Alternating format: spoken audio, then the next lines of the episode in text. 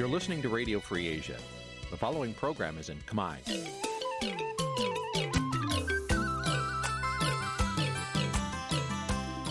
នេះជាកម្មវិធីផ្សាយ Vuthu Azizi Serai នេះជាកម្មវិធីផ្សាយរបស់ Vuthu Azizi Serai ជាភាសាខ្មែរ Vuthu Azizi Serai សូមស្វាគមន៍លោកអ្នកនាងទាំងអស់ពីរដ្ឋធានី Washington នៃសហរដ្ឋអាមេរិក បាទពីរដ្ឋធានី Washington ខ្ញុំបាទជាចំណានសូមជម្រាបសួរលោកអ្នកនាងអ្នកស្ដាប់ Vuthu Azizi Serai ទាំងអស់ជាទីមេត្រីយើងខ្ញុំសូមជូនការផ្សាយសម្រាប់ព្រឹកថ្ងៃច័ន្ទ11រោចខែអាសត់ឆ្នាំឆ្លូវត្រីស័កពុទ្ធសករាជ2565ដែលត្រូវនៅថ្ងៃទី1ខែវិច្ឆិកាគ្រិស្តសករាជ2021បាទជាដំបូងនេះសូមអញ្ជើញលោកអ្នកនាងស្ដាប់ព័ត៌មានប្រចាំថ្ងៃដែលមានមេត្តាដូចតទៅ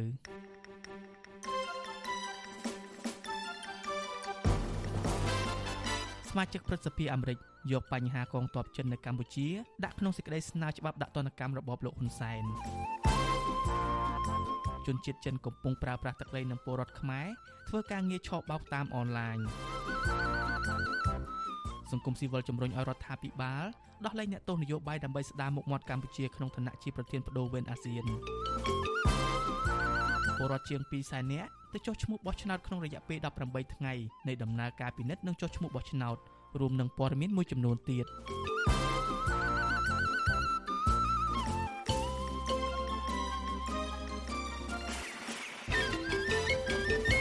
បាទជាបន្តទៅទៀតនេះខ្ញុំបាទជាចំណានសូមជូនព័ត៌មានទាំងនេះពឺស្ដាសមាជិកព្រឹទ្ធសភាអាមេរិកបានដាក់បញ្ចូលបញ្ហាវត្តមានកងទ័ពចិននៅកម្ពុជាក្នុងសេចក្តីស្នើច្បាប់ថ្មីស្តីពីប្រជាធិបតេយ្យ និងសិទ្ធិមនុស្សនៅកម្ពុជាឆ្នាំ2021ក្រៅពីផ្ដល់សិទ្ធិអំណាចឲ្យប្រធានាធិបតីអាមេរិកអាចដាក់ទណ្ឌកម្មបង្កកទ្រព្យសម្បត្តិនិងរដ្ឋបិទទឹកតការលើមន្ត្រីកម្ពុជាដែលបានចូលរួមបំផ្លាញលទ្ធិប្រជាធិបតេយ្យប្រព្រឹត្តអំពើរំលោភសិទ្ធិមនុស្សនិងអំពើពុករលួយធ្ងន់ធ្ងរនៅកម្ពុជាជាដើមនោះសេចក្តីស្នើច្បាប់ថ្មីនេះក៏មានចែងផងដែរថាក្រោយពេលដែលច្បាប់ចូលជាធរមានបាន180ថ្ងៃប្រធានាធិបតីអាមេរិកត្រូវដាក់របាយការណ៍វិដំឡៃពីបញ្ហាយោធាចិននៅកម្ពុជានេះឲ្យទៅគណៈកម្មការសភាពិនិត្យ បញ្ហាយោធាចិននេះសំដៅដល់ការពាក់ព័ន្ធរបស់រដ្ឋាភិបាលចិនឬកងទ័ពរំដោះប្រជាជនចិនក្នុងការកែលម្អឬសាងសង់ទីតាំងនៅកំពង់ផែកងទ័ពជើងទឹករៀមនិងពលានយន្តហោះតារាសាគរនៅក្នុងខេត្តកោះកុងព្រមទាំងផលប៉ះពាល់អំពីវត្តមានរបស់កងទ័ពរំដោះប្រជាជនចិននៅកម្ពុជាដែលអាចមានផលប្រយោជន៍និងសម្ព័ន្ធមិត្តរបស់អាមេរិកនៅក្នុងតំបន់ជាដើមសមាជិកប្រសិទ្ធិទាំងនេះយកសកម្មភាពកងទ័ពចិននៅកម្ពុជា តាមរយៈសេចក្តីរាយការណ៍របស់ប្រព័ន្ធផ្សព្វផ្សាយអាមេរិកដូចជាកាសែត The Wall Street Journal ដែលរាយការណ៍កាលពីឆ្នាំ2019ថាកម្ពុជាបានលួចចុះហត្ថលេខាលើកិច្ចព្រមព្រៀងជាមួយនឹងរដ្ឋាភិបាលចិនដើម្បីអនុញ្ញាតឲ្យចិនប្រើប្រាស់មូលដ្ឋានកងទ័ពជើងទឹករៀមផ្ដាច់មុខពួកគាត់ក៏យោងតាមកាសែតអាមេរិកមួយទៀតឈ្មោះ The New York Times ដែលរាយការណ៍កាលពីឆ្នាំ2019ដែរថាក្រុមហ៊ុនរដ្ឋរបស់ចិនបានទទួលកិច្ចសន្យារយៈពេល99ឆ្នាំ ដើម្បីសាងសង់ពលានយន្តហោះធំដែលអាចឲ្យយន្តហោះចម្បាំងចិនអាចចុះចតបាននៅតំបន់សាគរក្នុងខេត្តកោះកុងជានេះទៅទៀតសមាជិកប្រសិទ្ធិអាមេរិកទាំងនេះបារម្ភថាដោយសារតែទំនាក់ទំនងជិតស្និទ្ធផ្នែកយោធានេះរួមទាំងការវិនិយោគរបស់ចិនក្រោមរូបភាពនៃគំនិតព្រួយផ្ដើមផ្លូវមួយខ្សែក្រវ៉ាត់មួយរបស់ចិនធ្វើឲ្យប៉ះពាល់ដល់សន្តិសុខក្នុងតំបន់និងស្ថានភាពរំលោភសិទ្ធិមនុស្សនិងបំផ្លាញប្រជាធិបតេយ្យធ្ងន់ធ្ងរនៅកម្ពុជា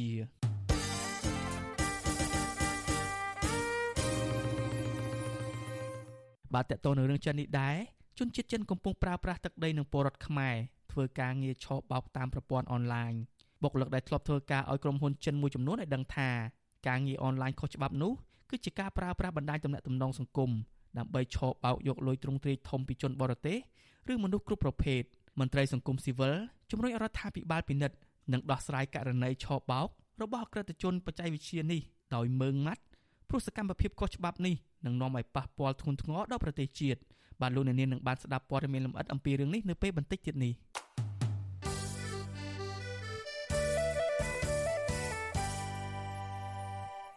បាទលោកអ្នកនាងអ្នកស្ដាប់ជាទីមេត្រីមន្ត្រីជាន់ខ្ពស់រដ្ឋាភិបាលកម្ពុជាប្រតិកម្មថាសេចក្តីស្នើច្បាប់របស់ក្រមសមាជិកប្រសិទ្ធិសហរដ្ឋអាមេរិកដែលចង់ដាក់ទណ្ឌកម្មមន្ត្រីកម្ពុជានោះគឺជាឧបករណ៍ភូមិសាស្ត្រនយោបាយការលើកឡើងបែបនេះគឺបន្ទាប់ពីសមាជិកប្រសិទ្ធិអាមេរិក6រូប ទើបបានបញ្ជូនជាផ្លូវការនៅខ្លឹមសារនៃសេចក្តីស្នើច្បាប់ស្តីពីលទ្ធិប្រជាធិបតេយ្យនិងសិទ្ធិមនុស្សកម្ពុជាឆ្នាំ2021ឬ S3052 ទៅឲ្យគណៈកម្មាធិការកិច្ចការបរទេសនៃប្រសិទ្ធិអាមេរិកពិនិត្យអ្នកតាមដានស្ថានភាពនយោបាយយល់ថាដើម្បីកិច្ចផុតពីច្បាប់ទណ្ឌកម្មនេះរដ្ឋាភិបាលត្រូវស្ដារលទ្ធិប្រជាធិបតេយ្យនិងគោរពសិទ្ធិមនុស្សឲ្យបានពេញលេញបាទលោកមួងណារ៉េតរាយការណ៍ព័ត៌មាននេះ តំណាងរដ្ឋាភិបាលកម្ពុជាចាត់ទុកសេចក្តីស្នើច្បាប់ស្តីពីប្រជាធិបតេយ្យនិងសិទ្ធិមនុស្សកម្ពុជា ថាជាឧបករណ៍ដាក់សម្ពាធមិនមែនសម្រាប់ជួយកសាងលទ្ធិប្រជាធិបតេយ្យនៅកម្ពុជានោះទេ ប្រធានអង្គភិបអ្នកណែនាំពីរដ្ឋាភិបាលលោកផៃស៊ីផានថ្លែងប្រាប់វិទ្យុអាស៊ីសេរីកាលពីថ្ងៃទី31ខែតុលាថាសេចក្តីស្នើច្បាប់របស់ក្រុមសមាជិកព្រឹទ្ធសភាសហរដ្ឋអាមេរិកនេះមានទិសដៅដាក់ទណ្ឌកម្មលើកម្ពុជាមិនមែនដើម្បីពង្រឹងកិច្ចសហប្រតិបត្តិការរវាងប្រទេសទាំងពីរនោះឡើយលោកបន្តថាសេចក្តីស្នើច្បាប់នេះមានលក្ខណៈអយុត្តិធម៌ក៏ប៉ុន្តែលោកយល់ថាវានឹងមិនមានប្រសិទ្ធភាពលើកម្ពុជានោះទេ បើសិនជាច្បាប់នឹងជោគជ័យនៅក្នុងព្រឹទ្ធសភាវាផ្ញើទៅនីតិប្រតិបត្តិជានីតិបតីគាត់ថាគាត់យកទៅអនុវត្តយ៉ាងដូចម្ដេចគឺថានៅទិសដៅដាក់អេសម្ពាធមិនមែនជាទិសដៅក្នុងការកសាងមិត្តភាពអេកសាងកិច្ចសហប្រតិបត្តិការកសាងនៅការងារបរទេសរួមគ្នារវាងកម្ពុជានិងសហរដ្ឋអាមេរិក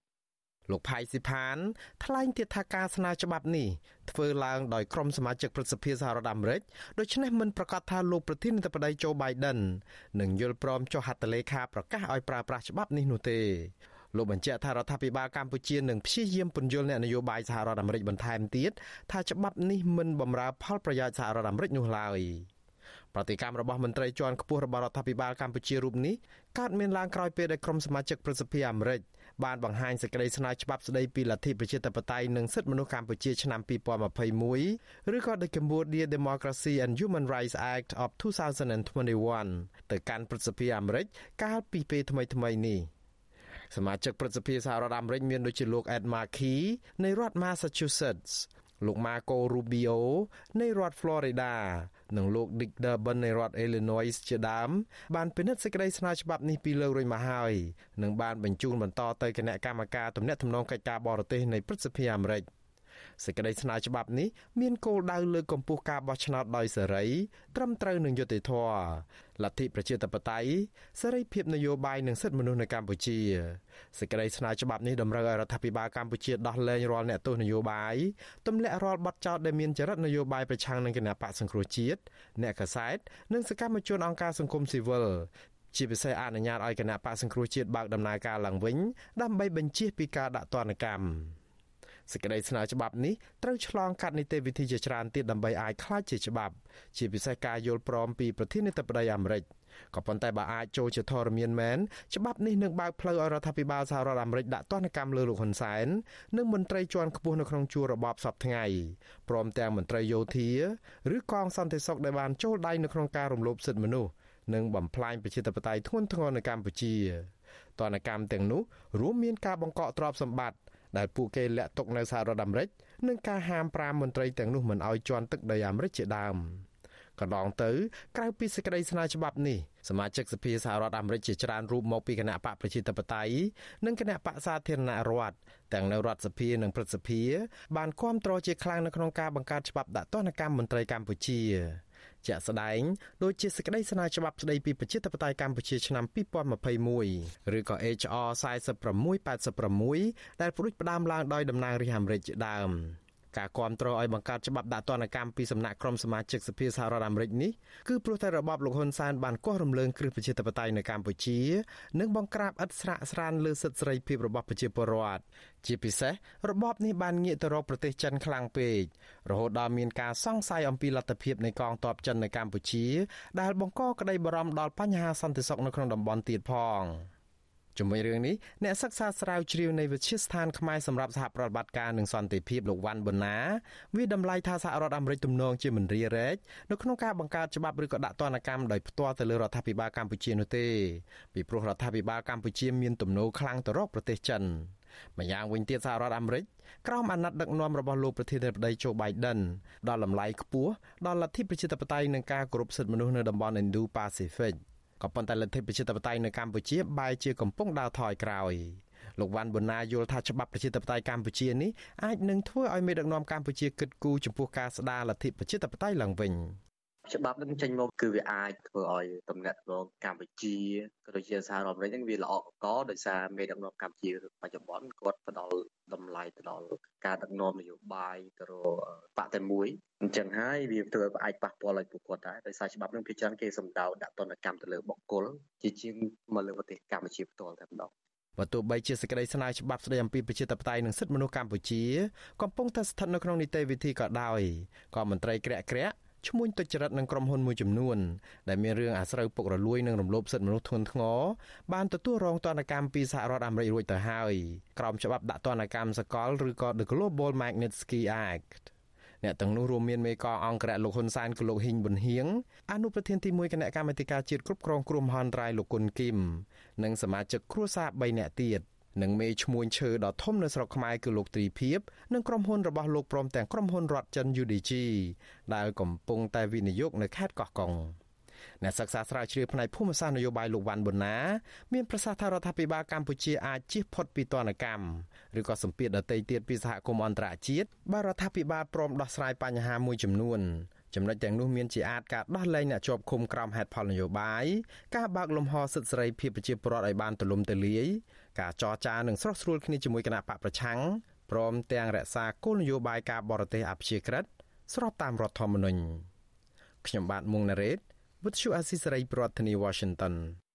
បាទតកតងផលប៉ះពាល់ដោយសារតែជំងឺ Covid-19 វិញម្ដងអ្នកជំងឺនេះចំនួន7អ្នកទៀតបានស្លាប់ក្នុងនោះមាន2អ្នកបានចាក់វ៉ាក់សាំងនិង5អ្នកទៀតមិនបានចាក់វ៉ាក់សាំងករណីឆ្លងថ្មីវិញមានចំនួន95នាក់ដែលជាលទ្ធផលដែលបញ្ជាក់ដោយម៉ាស៊ីន PCR ប៉ុន្តែតួលេខនេះ មិនរាប់បញ្ចូលលទ្ធផលដែលពិនិត្យតាមឧបករណ៍តេរ៉ាហាសឬ Rapid Test នោះទេជាមួយគ្នានេះក្រសួងសុខាភិបាលក៏បានប្រកាសឲ្យប្រើប្រាស់វ៉ាក់សាំងស៊ីណូវ៉ាក់ដើម្បីចាក់ឲ្យកុមារអាយុ5ឆ្នាំចំនួន2ដូសចាប់ពីថ្ងៃទី1ខែវិច្ឆិកានេះកន្លងមកមន្ត្រីសង្គមស៊ីវិលនិងអ្នកជំនាញវិទ្យាសាស្ត្រមួយចំនួនព្រួយបារម្ភនិងរិះគន់ជាខ្លាំងចំពោះការសម្រេចចិត្តដ៏លឿនរបស់រដ្ឋាភិបាលក្នុងការចាក់វ៉ាក់សាំងដល់កុមារនេះព្រោះមិនទាន់មានការសម្រេចជាផ្លូវការពីអង្គការសុខភាពពិភពលោកនៅឡើយទេ គិតត្រឹមព្រឹកថ្ងៃទី31ខែតុលាកម្ពុជាមានអ្នកកើតជំងឺ Covid-19 ជាង118,000នាក់ក្នុងនោះអ្នកជាសះស្បើយមានជាង114,000នាក់ចំណែកករណីស្លាប់ដោយសារតែជំងឺ Covid-19 វិញក្រសួងអះអាងថាបានកើនឡើងដល់ជាង2700នាក់ក្រសួងសុខាភិបាលប្រកាសថាគិតត្រឹមថ្ងៃទី30ខែតុលារដ្ឋាភិបាលបានចាក់វ៉ាក់សាំងជូនពលរដ្ឋដែលគ្រប់អាយុស្ទើរតែ100%ក្នុងចំណោម10លាននាក់ចំណែកកុមារនិងយុវជនដែលមានអាយុចាប់ពី6ឆ្នាំដល់17ឆ្នាំវិញ ក្រសួងបញ្ជាក់ថាចាក់វ៉ាក់សាំងបានជាង3លាន7សែននាក់ក្នុងចំណោមអ្នកដែលត្រូវចាក់សរុប4លាននាក់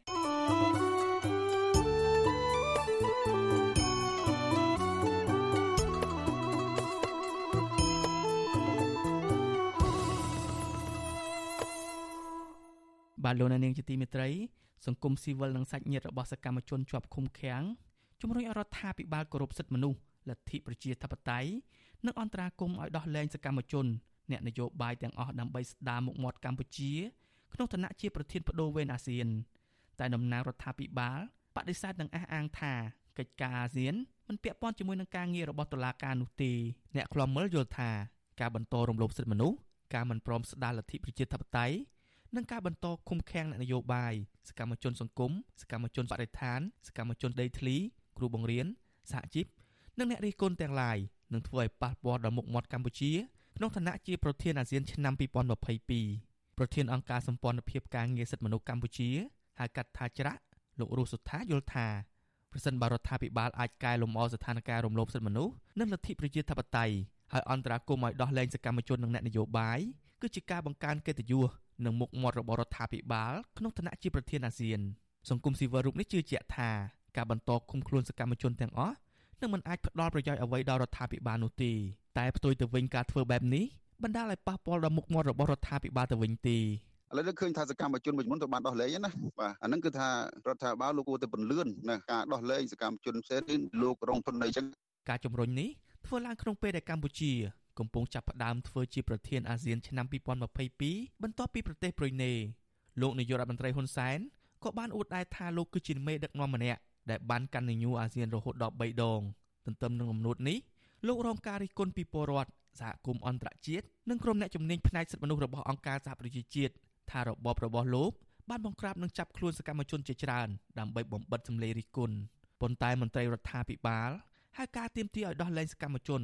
ការគោរពសិទ្ធិមនុស្សនិងដើម្បីស្ដារមុខមាត់កម្ពុជាក្នុងនាមជាប្រធានអាស៊ាននេះថាជាចេតនានយោបាយទោះបីជាមានរបាយការណ៍របស់អ្នករាយការណ៍សិទ្ធិមនុស្សនៃអង្គការសហប្រជាជាតិបង្ហាញថារដ្ឋាភិបាលកម្ពុជា កំពុងរំលោភសិទ្ធិមនុស្សធ្ងន់ធ្ងរយ៉ាងណាក៏ដោយចុះក៏អ្នកនាំពាក្យរដ្ឋាភិបាលលោកផៃស៊ីផានមិនទទួលស្គាល់ថាកម្ពុជាកំពុងបាក់មុខមាត់ដោយសារតែការរំលោភសិទ្ធិមនុស្សប្រជាធិបតេយ្យនិងការចាប់ឃុំខ្លួនសកម្មជននោះទេ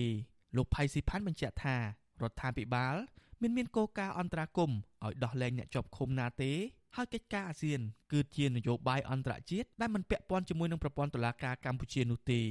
ប៉ុន្តែសាច់ញាតិរបស់សកម្មជនជាប់ឃុំវិញយល់ថា រដ្ឋាភិបាលមិនគួរបន្តឃុំខ្លួនយុវជនដែលគ្រាន់តែពួកគេបានប្រើប្រាស់សិទ្ធិសម្ដែងមតិនិងការចូលរួមការពារបរិស្ថានឬសកម្មភាពសង្គមនោះទេ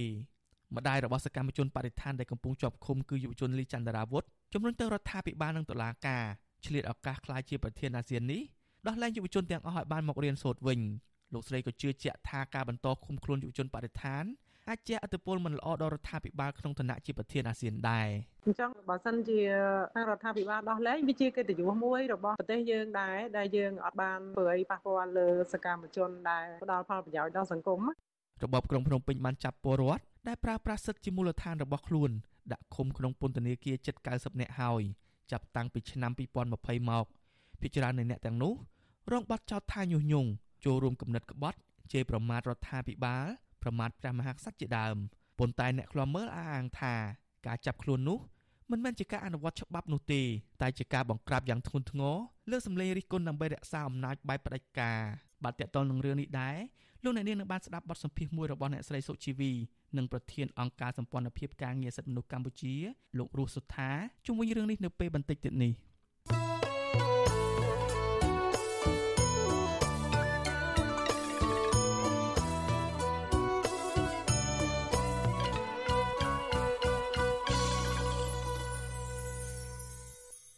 បាទលោកអ្នកនាងជាទីមេត្រីពលរដ្ឋចំនួនជាង2សែននាក់បានទៅចុះឈ្មោះបោះឆ្នោតក្នុងរយៈពេល18ថ្ងៃដែលគណៈកម្មាធិការជាតិរៀបចំការបោះឆ្នោតបើកដំណើរការពិនិត្យបញ្ជីឈ្មោះនិងចុះឈ្មោះបោះឆ្នោតសម្រាប់ឆ្នាំ2021របាយការណ៍របស់កោជបឲ្យដឹងថាគិតចាប់ពីថ្ងៃទី12ដល់ថ្ងៃទី30ខែតុលាពលរដ្ឋចុះឈ្មោះថ្មីមានចំនួនជាង230,000នាក់ចំណែកអ្នកដែលកោជបនឹងលុបឈ្មោះចេញពីបញ្ជីបោះឆ្នោតមានសរុបជាង170,000នាក់ ទីប្រឹក្សានិងជាអគ្គលេខាធិការរងកោជបលោកសោមសុរីដាបញ្ជាក់ថាចំនួនអ្នកចុះឈ្មោះបោះឆ្នោតថ្មីនៅមានតិចនៅឡើយលោកថាហេតុផលសំខាន់គឺកម្ពុជាកំពុងទប់ស្កាត់ការឆ្លងរាលដាលជំងឺ Covid-19 3កុំ3ការពារនេះគឺជាចំណុចសំខាន់ក្នុងការការពារការឆ្លង Covid-19 ហើយក៏វាធ្វើឲ្យមានបញ្ហាពាក់ព័ន្ធទៅនឹងកំណើនប្រជាពលរដ្ឋអញ្ជើញមកចុះឈ្មោះបោះឆ្នោតផងដែរ ចំណុចមួយទៀតគឺតកតងទៅនឹង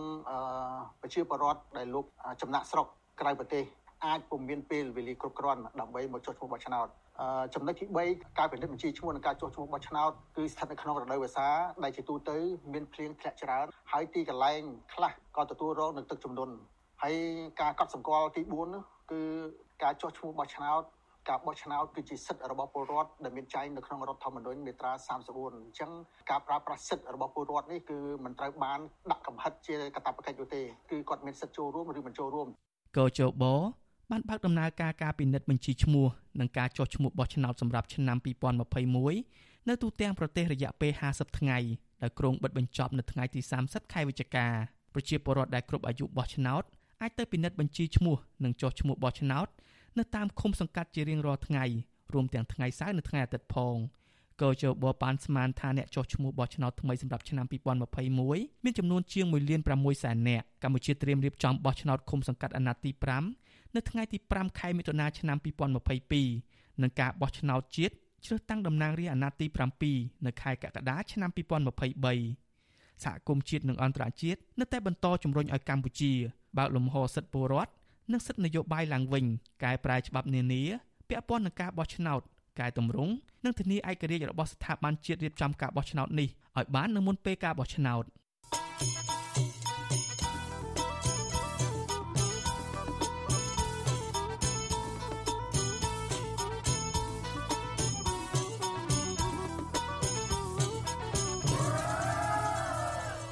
បាទលោកអ្នកនាងអ្នកស្ដាប់ជាទីមេត្រីក្រៅពីស្ដាប់និងទស្សនាការផ្សាយរបស់យើងតាមបណ្ដាញសង្គម Facebook និង YouTube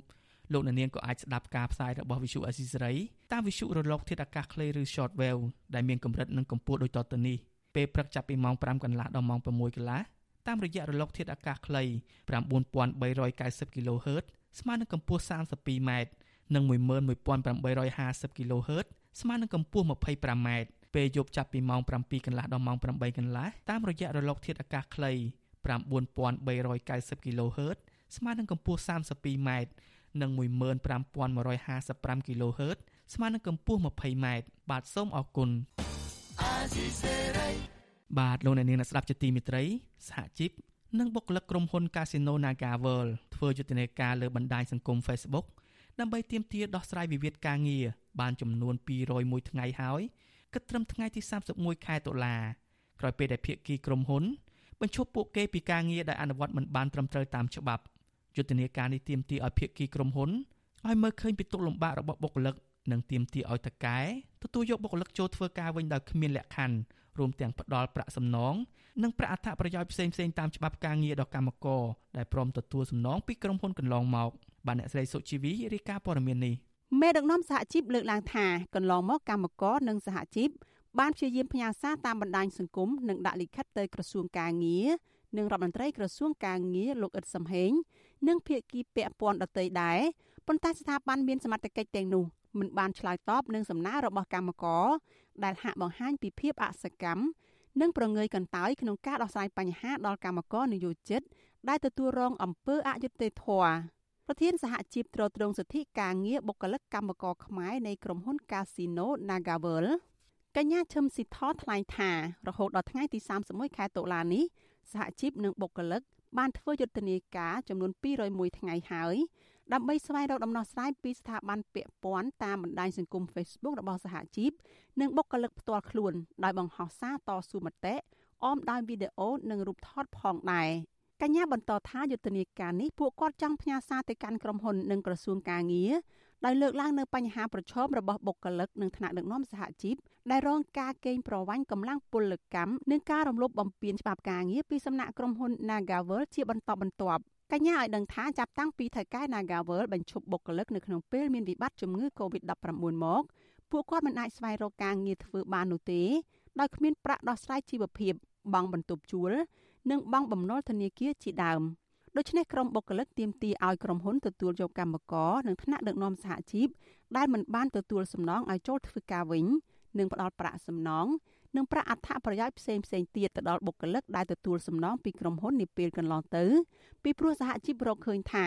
ក្រុមហ៊ុនបានកេងប្រវ័ញ្ចកម្លាំងពលកម្ម និងរំលោភសិទ្ធិកម្មករការតស៊ូមតិអនឡាញគឺជាអីមួយដែលយើងចង់ធ្វើបង្ហាញអំពីការប្រឈមរបស់ពួកគាត់នៅក្នុងពេលដែលរងចាំដំណោះស្រាយយូរដល់ថ្នាក់នឹងហើយគាត់អត់មានការងារធ្វើគាត់មានប្រាក់ខែគាត់ធ្វើការនៅក្រុមហ៊ុន Naga នេះគឺយើងឃើញថាជាច្រើនឆ្នាំមកហើយគឺគាត់បានប្រាក់ខែតិចមែនទែនគាត់ត្រូវទទួលរងកេងប្រវ័ញ្ចកម្លាំងពលកម្មនឹងយូរឆ្នាំមកហើយនៅពេលដែលរងចាំដំណោះស្រាយពីស្ថាប័នពាក់ព័ន្ធយូរដល់ថ្នាក់នេះវាធ្វើឲ្យប៉ះពាល់ដល់ជីវភាពរបស់ពួកគាត់ខ្លាំងមែនទែនកញ្ញាឈឹមស៊ីធសោកស្ដាយដែលក្រសួងការងារនិងរដ្ឋាភិបាល ហាក់អសកម្មនិងប្រងើយកន្តើយចំពោះសំណើរបស់កម្មករនយោជិតដែលធ្វើឲ្យក្រុមហ៊ុនបរទេសមួយនេះរំលោភសិទ្ធិកម្មករនិងសហជីពនៅកន្លែងការងារដោយបញ្ឈប់បុគ្គលិកតាមអំពើចិត្តនាពេលកន្លងមកកញ្ញាយល់ថាការរំលោភសិទ្ធិការងារពីសំណាក់ក្រុមហ៊ុនកាស៊ីណូនេះនឹងធ្វើឲ្យកម្ពុជារងការរិះគន់ធ្ងន់ធ្ងរពីសហគមន៍ជាតិនិងអន្តរជាតិជាថ្មីម្ដងទៀត។ វិទ្យុអសីស្រីមិនអាចតាក់ទងប្រធានប្រតិបត្តិបុគ្គលិករបស់ក្រុមហ៊ុន Nagavel លោកម៉ៃងៃ និងអ្នកនាំពាក្យក្រសួងការងារលោកហេងសួរដើម្បីឆ្លើយតបជុំវិញរឿងនេះបាននៅឡើយទេ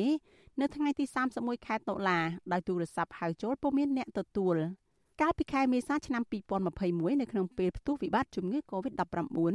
ក្រុមហ៊ុន Nagavel បានបញ្ឈប់បុគ្គលិកជាង1300នាក់ដែលអ្នកទាំងនោះរួមមានស្ត្រីមានផ្ទៃពោះស្ត្រីទើបសម្រាលកូន អ្នកខ្លះទៀតក៏ត្រូវក្រុមហ៊ុនបញ្ឈប់ទាំងប្តីទាំងប្រពន្ធរួមទាំងថ្នាក់ដឹកនាំសហជីពផងដែរក្រុមហ៊ុន Nagavel លើកហេតុផលថាវិបត្តិជំងឺ Covid-19 ធ្វើឲ្យប៉ះពាល់ទៅដល់ប្រាក់ចំណូលរបស់ក្រុមហ៊ុនកាលពីពេលកន្លងទៅក្រសួងការងារបានកោះហៅគូភាគីមកចរចារកដំណោះស្រាយចំនួន2ដងដែរប៉ុន្តែมันមានលទ្ធផលនោះទេដោយសារតែតំណាងភាគីក្រុមហ៊ុនមិនព្រមទទួលយកសំណើរបស់ក្រុមសហជីពបន្ទាប់មកក្រសួងបានបញ្ជូនសំណុំរឿងនេះទៅឲ្យក្រុមប្រឹក្សាអាជ្ញាកណ្ដាល ដោយស្ថាប័នវិវាទការងារមួយនេះបដិសេធពិចារណាការទៀមទារបស់ភាគីនយោជិតកាលពីថ្ងៃទី10ខែកញ្ញាហើយបានរុញករណីនេះឲ្យត្រឡប់ទៅអធិការកិច្ចការងារនៃក្រសួងការងារដោះស្រាយវិញទោះជាយ៉ាងណាសហជីពបញ្ជាក់ថារហូតមកដល់ពេលនេះអធិការកិច្ចការងារនិងរដ្ឋមន្ត្រីក្រសួងការងារមិនទាន់ឆ្លើយតបជុំវិញរឿងនេះនៅឡើយទេជុំវិញរឿងនេះប្រធានសហព័ន្ធសហជីពកម្មករចំណីអាហារនិងសេវាកម្មកម្ពុជា អ្នកស្រីអ៊ូទេផូលីនមានប្រសាសន៍ថាការបញ្ឈប់បុគ្គលិកជាសមាជិកសហជីពនិងមេដឹកនាំសហជីពគឺជាការរើសអើងនិងមិនចង់ឲ្យមានវត្តមានសហជីពនៅក្នុងក្រុមហ៊ុនតទៅទៀតដែលសហជីពតែងតែការពារសិទ្ធិនិងផលប្រយោជន៍ស្របច្បាប់របស់កម្មករនិយោជិតអ្នកស្រីមើលឃើញថាការសម្រេចរបស់ក្រុមប្រឹក្សាអាជ្ញាកណ្ដាលហាក់ធ្វើឡើងមិនច្បាស់លាស់និងមិនអាចទទួលយកបានឡើយអ្នកស្រីយល់ថាដំណោះស្រាយជុំវិញរឿងនេះ គឺអាស្រ័យទៅលើឆន្ទៈរបស់ក្រុមហ៊ុន Nagavel សារទៅមានសហជីពហ្នឹងឯងជំរុញឲ្យមានលក្ខខណ្ឌការងារជំរុញមានការផ្ដល់ប្រាក់ឈ្នួលកើនឡើងជំរុញមានការផ្ដល់អត្ថប្រយោជន៍ផ្សេងផ្សេងដល់កម្មករនិយោជិតបើសិនជាគេលុបបំបត្តិនៅសហជីពបាននៅក្នុងក្រុមហ៊ុន Naga ហ្នឹងគឺថ្ងៃក្រោយកម្មករនិយោជិតលែងរូបភាពជាកម្មករទៀតទៅជាទេសកលមានថាគេដាក់លក្ខខណ្ឌបែបណាគឺយើងត្រូវតែធ្វើតាមគេបើធ្វើមិនមិនតាមគេទេគេមានសិទ្ធិនៅក្នុងការបញ្ឈប់កម្មករនិយោជិតភ្លាមភ្លាមឲ្យយើងមើលឃើញថាតកែ Naga គឺអត់អញ្ញើតនៅក្នុងការបំពេញច្បាប់ទេក្រុមហ៊ុន Casino NagaWorld ដែលធ្លាប់ជាប់ឈ្មោះមិនល្អក្នុងបញ្ជីក្រុមហ៊ុនរំលោភសិទ្ធិការងារអះអាងថាខ្លួនមានបញ្ហាលំបាកផ្នែកហិរញ្ញវត្ថុទើបឈានដល់ការបញ្ឈប់បុគ្គលិកជាង1300នាក់ឬជិត20%នៃបុគ្គលិកក្រុមហ៊ុនបែបនេះផ្ទុយពីការអះអាងនេះខាងសហជីពឲ្យដឹងថាក្រុមហ៊ុន NagaWorld នៅតែអាចរកប្រាក់ចំណូលបានជាង900លានដុល្លារហើយចំណេញបានជាង100លានដុល្លារ នៅក្នុងឆ្នាំ2020កន្លងទៅនិងកំពុងចំណាយលុយសាងសង់អគារ Nagavel ទី3ថែមទៀតនៅពេលដែលប្រទេសកម្ពុជាជួបវិបត្តិជំងឺ Covid-19 នេះសហជីពឲ្យដឹងថាបុគ្គលិកជិត400នាក់នៅក្នុងចំណោម1300នាក់មិនព្រមទទួលយកសំណងពីក្រុមហ៊ុនឡើយដោយសារតែការទូទាត់សំណងនោះមិនត្រឹមត្រូវតាមច្បាប់ស្តីពីការងារសហជីពបញ្ជាក់ថាភាគីក្រុមហ៊ុនមិនបានយកប្រាក់ឈ្នួលបច្ចុប្បន្នមកគិតឲ្យបុគ្គលិកនោះទេ តែបែរជាយកប្រាក់ឈ្នួលកាលពី10ឆ្នាំមុនមកទូទាត់ដោយបូកបញ្ចូលនឹងប្រាក់អត្ថប្រយោជន៍មួយចំនួនទៀតសហជីពអះអាងថាពួកគេបានព្យាយាមស្វែងរកដំណោះស្រាយដើម្បីបញ្ជៀសបញ្ហាប្រឈមមុខដាក់គ្នាគ្រប់នីតិវិធីទាំងអស់ហើយប៉ុន្តែភាគីពាក់ព័ន្ធនៅតែមិនបានផ្ដល់ដំណោះស្រាយដដែល ពួកគេសង្កត់ធ្ងន់ថាសហជីពនិងកម្មករបានប្រជុំរួចហើយថានឹងធ្វើកោតកម្មនាពេលខាងមុខនេះ ប្រសិនបើស្ថាប័នពាក់ព័ន្ធមិនបានផ្ដល់យុត្តិធម៌ឲ្យពួកគេនាងខ្ញុំសុជីវីវិទ្យុអាស៊ីសេរីពីរដ្ឋធានី Washington បាទតកតនៅរឿងគណៈបកប្រឆាំងវិញម្ដងសកម្មជនគណៈបកសង្គ្រោះជាតិម្នាក់នៅខណ្ឌរិស័យកែវរាជធានីភ្នំពេញមានជីវភាពកាន់តែលំបាកក្រោយពេលដែលបុគ្គលម្នាក់ដែលគាត់សង្ស័យថាធ្វើការនៅក្រសួងមហាផ្ទៃបាននាំមនុស្សជាច្រើនទៅរុះរើផ្ទះនិងបណ្ដេញគាត់ចេញពីដីកាលពីថ្ងៃទី12ខែតុលា សកម្មជនរូបនេះអះអាងថារហូតមកដល់ពេលនេះអាជ្ញាធរពាក់ព័ន្ធមិនបានជួយដោះស្រាយនិងផ្ដល់សំណងជូនលោកនៅឡើយទេមន្ត្រីសង្គមស៊ីវិលយល់ថាអាជ្ញាធរធ្វើបែបនេះគឺជាការរើសអើងនឹងនីការនយោបាយនិងជាទង្វើខុសច្បាប់បាទលោកមេរិតរាយការណ៍ព័ត៌មាននេះសកម្មជនគណៈបពប្រឆាំងខណ្ឌរសីកែវរិះគន់អាជ្ញាធរពាក់ព័ន្ធដែលមិនដោះស្រាយជូនគ្រួសារលោកថាគឺជាការធ្វើបាបប្រជាពលរដ្ឋក្រីក្រ ដែលមាននានាការផ្ទុយពីរដ្ឋាភិបាល សកម្មជនគណៈបកសង្គ្រោះជាតិសង្កាត់រស័យកែវលោកយ៉ងត្រាប្រាវិសុយស៊ីស្រីនៅព្រឹកថ្ងៃទី31ខែតុលាថាចាប់តាំងពីបុគ្គលម្នាក់ធ្វើការនៅក្រសួងមហាផ្ទៃបាននាំកងសន្តិសុខមករុះរើផ្ទះរបស់លោក កាលពីថ្ងៃទី12ខែតុលាមក គ្រួសាររបស់លោកគ្មានទីជម្រកស្នាក់អាស្រ័យនោះទេបញ្ហានេះហើយធ្វើឲ្យគ្រួសាររបស់លោកមានជីវភាពកាន់តែលំបាកលំបិន ព្រោះរវល់ការពីផ្ទះដែលនៅសេសសល់ឈើបន្តិចបន្តួចក្រែងលួអាញាធននាំបុគ្គលនៅក្រសួងមហាផ្ទៃមករុះរើកំទេចបន្ថែមហើយលោកមិនបានចេញទៅធ្វើការងាររកប្រាក់ចំណូលនោះឡើយលោកបន្តថាសប្តាហ៍ថ្ងៃគ្រួសារគាត់ស្នាក់នៅជាមួយសាច់ញាតិអស់រយៈពេលជាង2សប្តាហ៍មកហើយដោយមិនទាន់មានទីជម្រកផ្ទាល់ខ្លួននៅឡើយទេអូលំបាកខ្លាំងមែនតើហ្មងណាខ្ញុំតាឥឡូវហ្នឹងនិយាយអត់ទៅដល់បានព្រឹកខ្វល់ល្ងាចដល់ល្ងាចខ្វល់ព្រឹកនោះ ហើយហូបមួយមីងឯផងឯផងអានៅផ្ទះគាត់នេះជាខ្លាចចិត្តគាត់ដែរហ្នឹងគេមុខបានមករយៈហ្នឹងដល់ពីយើងមកនៅគេមិនទៅស្រស់មួយយើងអញ្ចឹងការរនរੂរើហ្នឹងបានកូនទៅធ្វើការសំណងអីមកគេមកឯងអញ្ចឹងទៅណាយើងតាមក៏ប្រយោជន៍ដែរតែចេះតែបង្ខំចិត្តឲ្យកូនទៅធ្វើហ្នឹងឥឡូវហ្នឹងកូនក៏នៅផ្ទះដែរហ្នឹងតាមរូបភាពហ្នឹងគេដេកយើងជិះអស់អញ្ចឹងទៅគេបាំងចាំងសេរីធាវនិយាយតតគ្នាគេថាលោកឲ្យចិនមកជួលតលេហ្នឹងគេអភិវឌ្ឍធ្វើអីផ្សេងហ្នឹងណាផ្ទះរបស់សកម្មជនបពប្រឆាំងរូបនេះ ធ្វើពីសង្កសីនិងមានក្រាលឈើទទឹង4ម៉ែត្រនិងបណ្ដោយ6ម៉ែត្រស្ថិតនៅមាត់ច្រាំងទន្លេសាប ក្នុងក្រុមទី19នៃភូមិសាមគ្គីលោកបានជួលដីនេះពីអាជ្ញាធរសង្កាត់រិស័យកែវក្នុងតម្លៃ5000រៀលនៅក្នុងមួយខែជាមួយប្រជាពលរដ្ឋ7គ្រួសារផ្សេងទៀតដោយមានទំហំផ្ទះប៉ុនគ្នានិងជួលក្នុងតម្លៃដូចគ្នាដែរតាំងពីឆ្នាំ1994រហូតមកក្រោយមកអាជ្ញាធរបានបង្វែរដីនោះទៅឲ្យបរិសម្នាក់ធ្វើការនៅក្រសួងមហាផ្ទៃ ក៏ប៉ុន្តែពួកលោកមិនបានស្គាល់ឈ្មោះនោះទេសកម្មជនបកសង្គ្រោះជាតិលោកយ៉ងត្រាបញ្ជាក់ទៀតថាបរិះរូបនេះបានដឹកនាំកងសន្តិសុខផ្ទាល់ខ្លួនជាច្រើនអ្នកទៅរើកំទេចតែផ្ទះរបស់លោកចំណែកឯផ្ទះរបស់ពលរដ្ឋ7គ្រួសារផ្សេងទៀតដែលបានជួលដីជាមួយលោកនោះដែរត្រូវបានបរិះរូបនោះបង្ខំឲ្យចាក់ចេញពីដីធ្លីដោយផ្ដល់សំណងចំនួន3លាន5សែនរៀលឬស្មើនឹងជិត900ដុល្លារអាមេរិកនៅក្នុងមួយគ្រួសារ ដោយឡែកគ្រួសាររបស់លោកវិញមិនបានទទួលសំណងអ្វីទាំងអស់កន្លងមកលោកបានប្តឹងទៅអាជ្ញាធរសង្កាត់និងខណ្ឌរិស័យកែវឲ្យជួយដោះស្រាយដែរក៏ប៉ុន្តែពុំមានដំណោះស្រាយនោះទេតាក់ទងនឹងបញ្ហានេះមន្ត្រីសាលាខណ្ឌរិស័យកែវម្នាក់ដែលសុំមិនបញ្ចេញឈ្មោះប្រាវិសុយស៊ីស្រីយ៉ាងខ្លីថាអាជ្ញាធរបានផ្ដល់សំណងជូនប្រជាពលរដ្ឋចំនួន7គ្រួសាររួចហើយ ចំណែកឯមួយគ្រួសារដែលនៅសល់ចុងក្រោយលោកបញ្ជាក់ថាលោកបានជូនដំណឹងទៅអភិបាលរងខណ្ឌរិស័យកែវដើម្បីដោះស្រាយហើយក៏ប៉ុន្តែលោកមិនទាន់ទទួលការឆ្លើយតបនៅឡើយទេហ្នឹងអាហ្នឹងគាត់ស្នើសុំមេសីហាអាបារងតែឥឡូវមេសីហាគាត់អត់ទាន់ដោះស្រាយអីទេ បើគាត់ចង់ដោះស្រាយតើគាត់ជួបមេសីហាពួកខ្ញុំបានបានជុំនឹងទៅមេសីហាហើយអស់ហើយរាយការណ៍ហើយអស់ហើយចឹងតែគាត់ក៏មានកោកាយចឹងខ្ញុំអត់គិតថាបច្ច័យវិសុវស៊ីស្រីបានព្យាយាមតាក់ទងអភិបាលរងខណ្ឌរិស័យកែវលោកប្រាជ្ញសីហាដើម្បីសូមអធិប្បាយបន្ថែមជុំវិញរឿងនេះក៏ប៉ុន្តែលោកប្រាប់ថាជាប់រវល់ប្រជុំទោះជាយ៉ាងណាអ្នកនាំពាក្យសមាគមការពារសិទ្ធិមនុស្សអាត6 លោកសឹងសានករណាយល់ថាការដែលអាជ្ញាធរធ្វើបែបនេះគឺជាការរើសអើងនិន្នាការគណៈបកនយោបាយពីព្រោះអាជ្ញាធរមិនគួរដោះស្រាយជូនប្រជាពលរដ្ឋ7គ្រួសារហើយទុកពលរដ្ឋមួយគ្រួសារនោះទេមន្ត្រីសង្គមស៊ីវិលរូបនេះចាត់ទុកវិធានការរបស់អាជ្ញាធរនេះថាជាទង្វើខុសច្បាប់និងជាការធ្វើឲ្យប្រជាពលរដ្ឋរស់នៅដោយការឈឺចាប់មនុស្សគ្រប់រូបយើងតែងតែត្រូវការទីសម្រក ហើយសត្វត្រូវការសម្បុកសម្រាប់រស់នៅហើយបែរជាទៅរស់រើអញ្ចឹងហើយមិនមានការដោះស្រាយណាមួយដែលធ្វើឲ្យគាត់អាចទទួលយកបានបែបហ្នឹងថាវាមិនសមរម្យហើយវាខុសទៅនឹងច្បាប់ទៅទៀតទោះបីថាដីហ្នឹងវាមិនទាន់ប្រកបទៅជារឿងច្បាប់ក៏ដោយប៉ុន្តែទីជំរករបស់គាត់ដែលគាត់មានស្រាប់ហ្នឹងវាគួរប្រសាទុកឲ្យទៅចែកគ្នាជាមុនជូនដំណឹងជាមុនដើម្បីឲ្យគាត់រៀបរយការរស់នៅគាត់សិនណានេះមករស់រើគាត់អីគាត់អត់មានកន្លែងស្នាក់នៅទៀតវាជារឿងអណោយអធមមួយសម្រាប់ពលរដ្ឋណាលោកសឹងសានករណាសំណូមពរអាជ្ញាធរពាក់ព័ន្ធចុះស្រាវជ្រាវលើរឿងនេះនិងចាត់វិធានការផ្លូវច្បាប់លើអ្នកពាក់ព័ន្ធដែលបានដកហូតដីពីប្រជាពលរដ្ឋទាំងនោះបកគលឲ្យអ្នកមានលុយមានអំណាចដើម្បីគ្រប់គ្រងហើយបានរុះរើផ្ទះសម្បែងរបស់ប្រជាពលរដ្ឋនិងបណ្ដេញពួកគេចេញដោយបង្ខំសកម្មជនបពប្រឆាំងលោកយ៉ងត្រា មានវ័យ42ឆ្នាំ មានដើមកំណត់ជាខ្មែរកម្ពុជាក្រោម លោកមានសមាជិកគ្រួសារ4នាក់នៅក្នុងនោះមានកូនអាយុក្រោម17ឆ្នាំចំនួន2នាក់ផងបច្ចុប្បន្នពួកលោកស្នាក់នៅជាមួយសាច់ញាតិជាបណ្ដោះអាសន្ននៅរាជធានីភ្នំពេញហើយគ្មានប្រាក់ទិញដីធ្វើផ្ទះថ្មីនិងជួលបន្ទប់ស្នាក់នៅនោះទេលោកប្រួយបារម្ភខ្លាចកូនទាំងពីរនាក់មិនបានចូលសាលារៀននៅពេលខាងមុខដោយសារតែជីវភាពក្រីក្រ និងគ្មានទីជម្រកស្នាក់នៅខ្ញុំបាទមេរិត Visual C ស្រីរាយការណ៍ពីរដ្ឋធានី Washington បាទលោកអ្នកនាងអ្នកស្ដាប់ជាទីមេត្រី ជនជាតិចិនកំពុងប្រើប្រាស់ទឹកដី និងពលរដ្ឋខ្មែរធ្វើការឆបោកតាមប្រព័ន្ធអនឡាញបុគ្គលិកដែលធ្លាប់ធ្វើការឲ្យក្រុមហ៊ុនចិនមួយចំនួនឲ្យដឹងថាការងារអនឡាញខុសច្បាប់នោះ